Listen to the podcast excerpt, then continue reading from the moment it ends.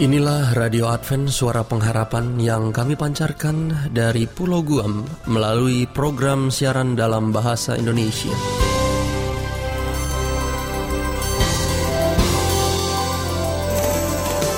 Salam sejahtera kami sampaikan kepada para pendengar kami di mana pun Anda berada. Selamat berjumpa kembali dengan kami, Radio Advent Suara Pengharapan dengan senang hati kami akan menemani Anda melalui rangkaian acara yang telah kami persiapkan khusus bagi Anda sekeluarga. Harapan kami, semoga siaran ini dapat bermanfaat dan menjadi berkat bagi Anda semuanya. Selamat mengikuti dan selamat mendengarkan. Tuhan memberkati.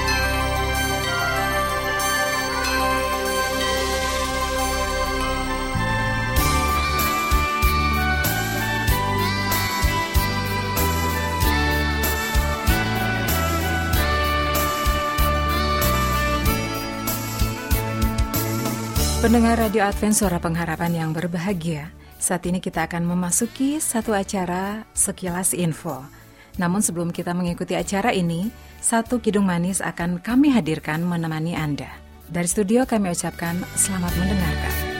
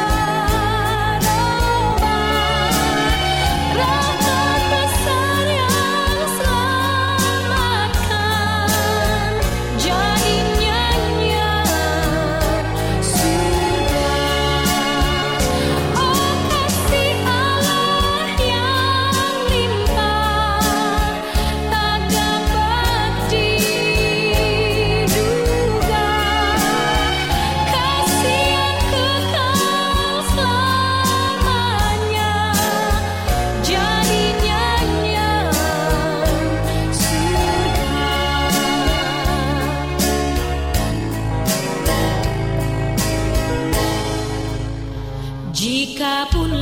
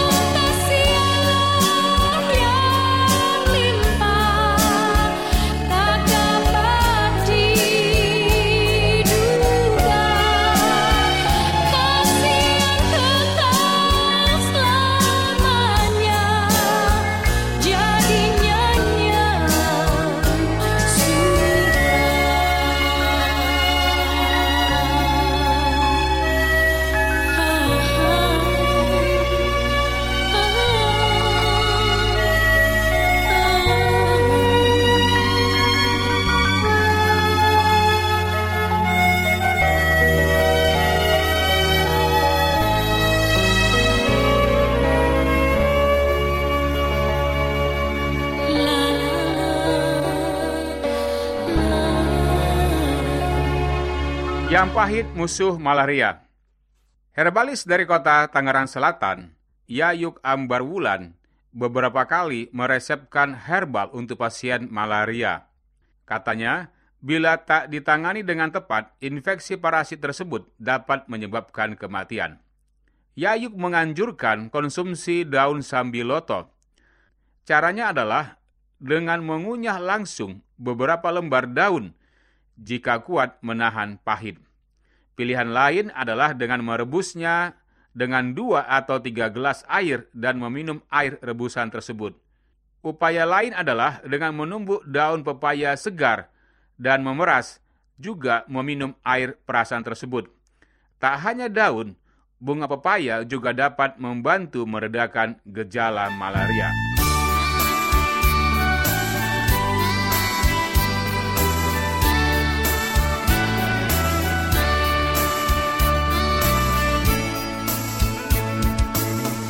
Buah naga musuh diabetes.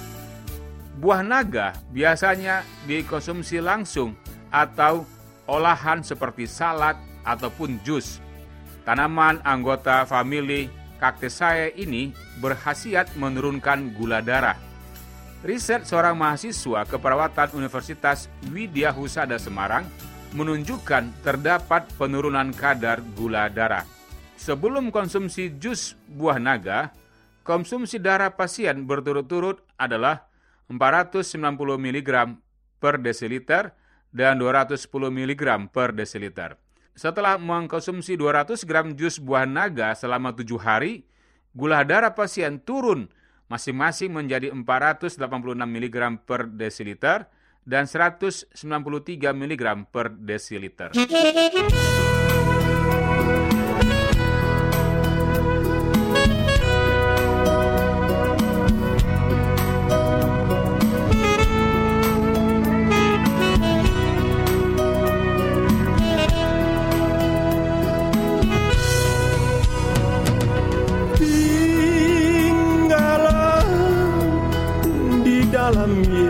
Datang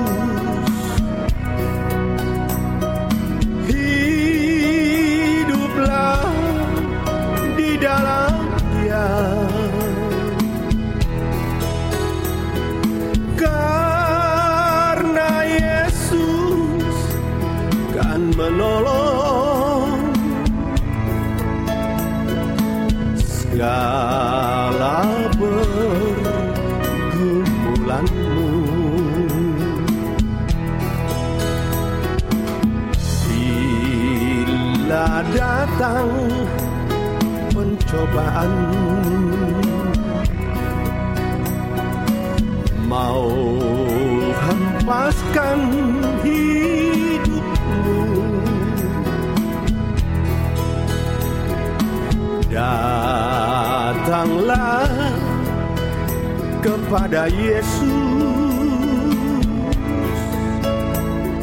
yang kekuatan. Jalanlah bersama Yesus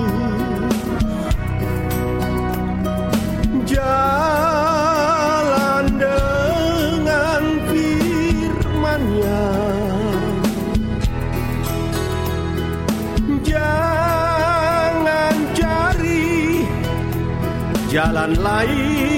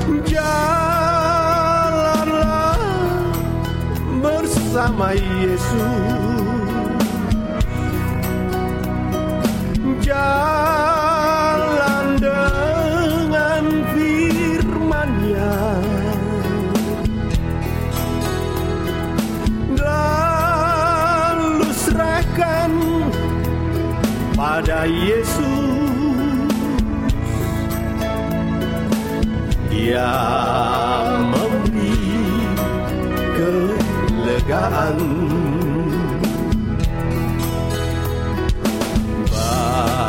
Banyak berkat tak terduga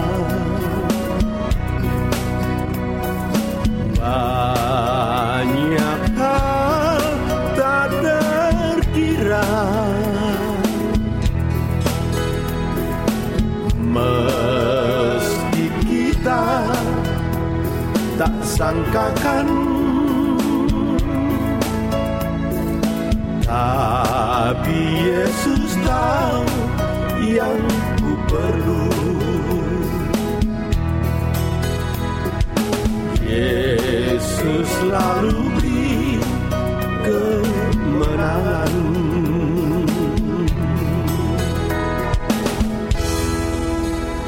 Minuman kaya antioksidan. Kombinasi daging buah peria, rimpang dan jahe merah, dan juga rimpang temulawak kaya akan antioksidan. Ketiga buah itu mengandung metabolit sekunder yakni fenolik, steroid, flavonoid, dan juga terpenoid.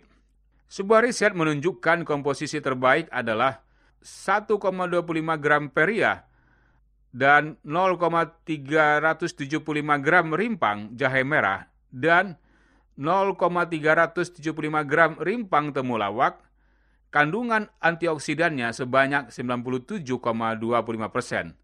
Tambahan perasan lemon dan gula merah menambah aroma dan rasa nikmat untuk dikonsumsi.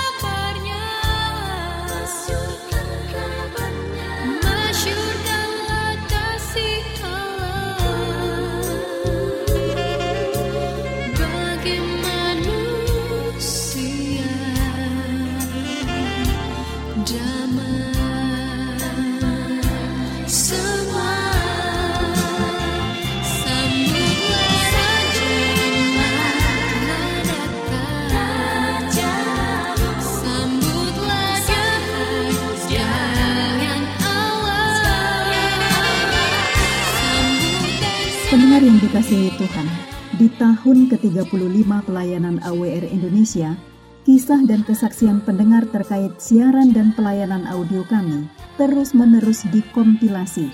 Terima kasih banyak untuk yang sudah menyampaikan dan masih terbuka bagi Anda semua untuk segera SMS atau telepon ke nomor AWR di 0821 1061 1595 atau 0816 1188 302 untuk WhatsApp dan Telegram.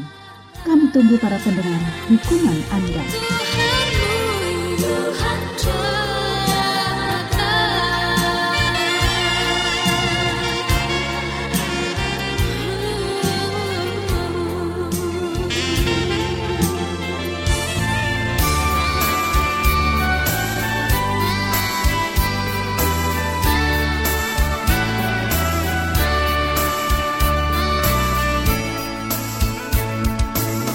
Pendengar Radio Advent Suara Pengharapan demikianlah sekilas info yang telah kami hadirkan untuk Anda. Kiranya acara ini bisa bermanfaat bagi kita semua. Sampai jumpa pada sekilas info mendatang.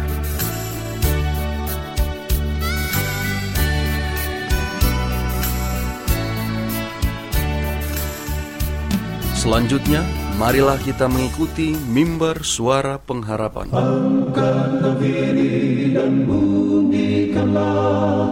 Yesus mau datang segera.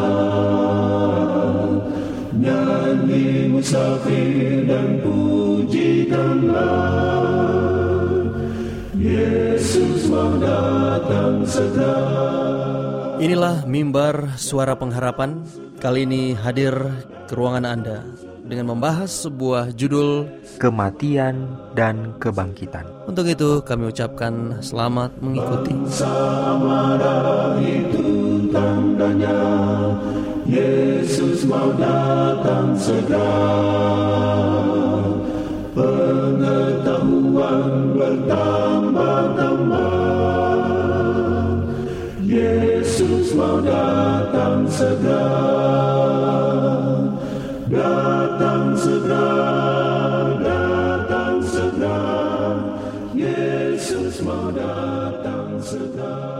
Saudara pendengar yang dikasihi oleh Allah, kembali lagi dalam mimbar suara pengharapan dengan saya Pendeta Muda Robert Gultom akan membahas suatu pelajaran yang berjudul Kematian dan Kebangkitan.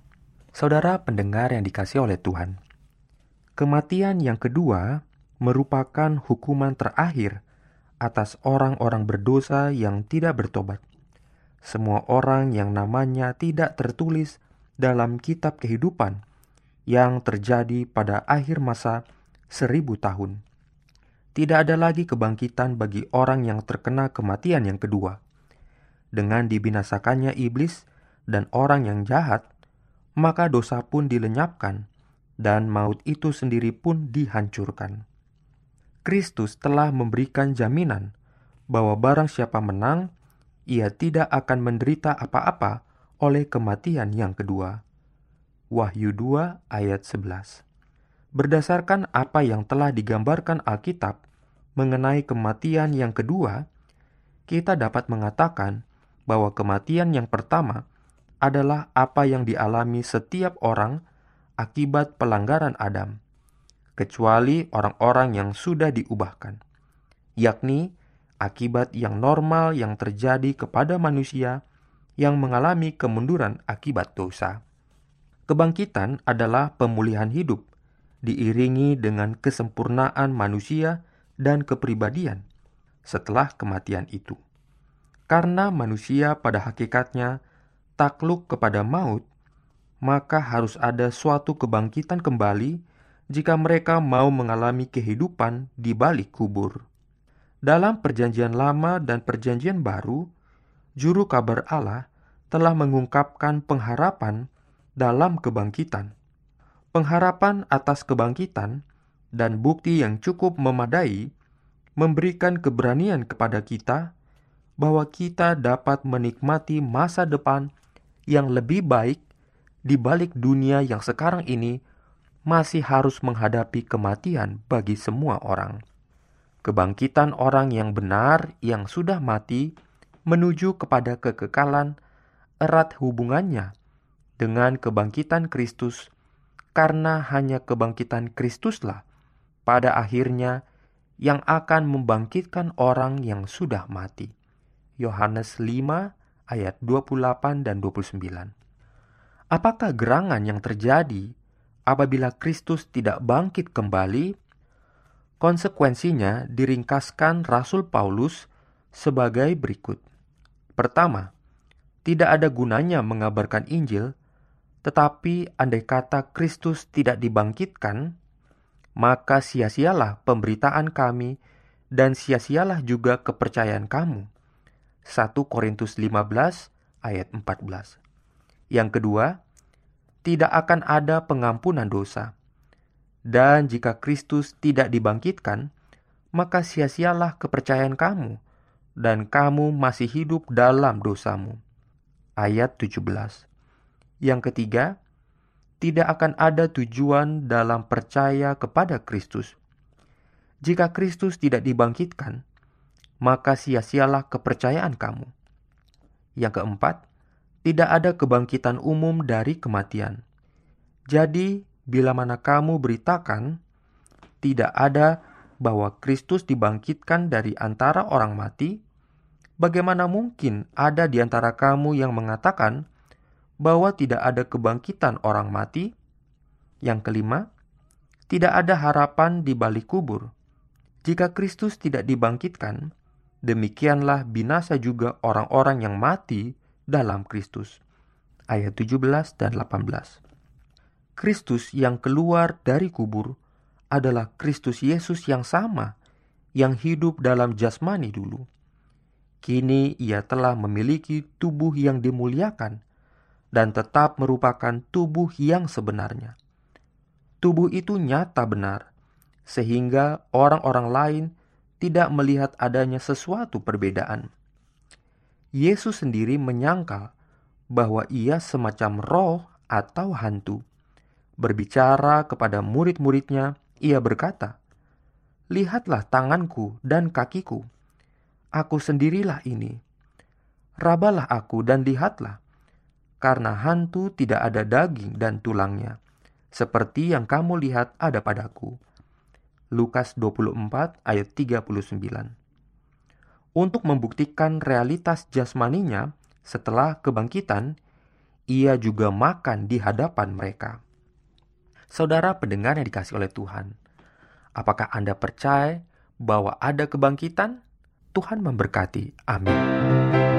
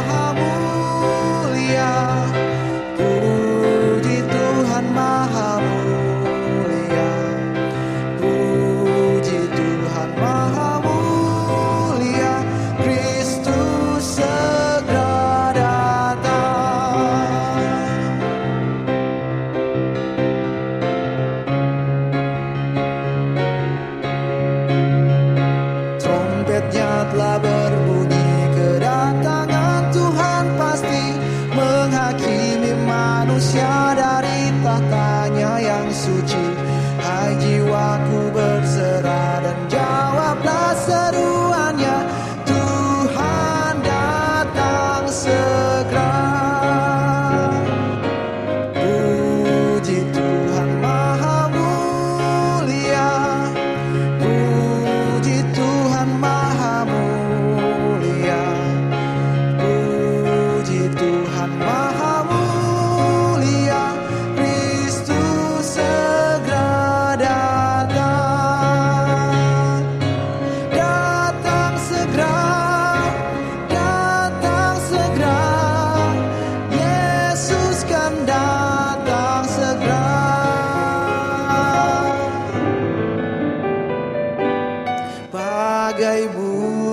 bakung indah. Yesus lahir di dunia Dengan kuasa tahtanya. Ubahkan engkau dan saya. Dia mati bebaskan Dan sucikan manusia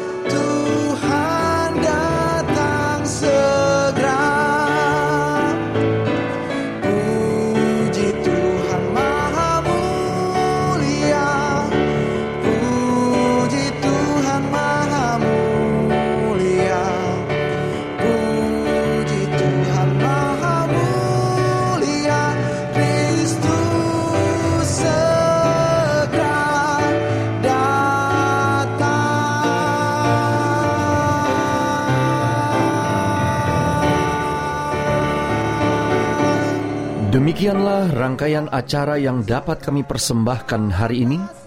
Apabila Anda mempunyai pertanyaan atau ingin mendapat pelajaran Alkitab penemuan baru, silahkan menghubungi kami dengan cara mengirimkan surat ke alamat Radio Advent Suara Pengharapan, PO Box 8090 Jakarta 12810 Indonesia.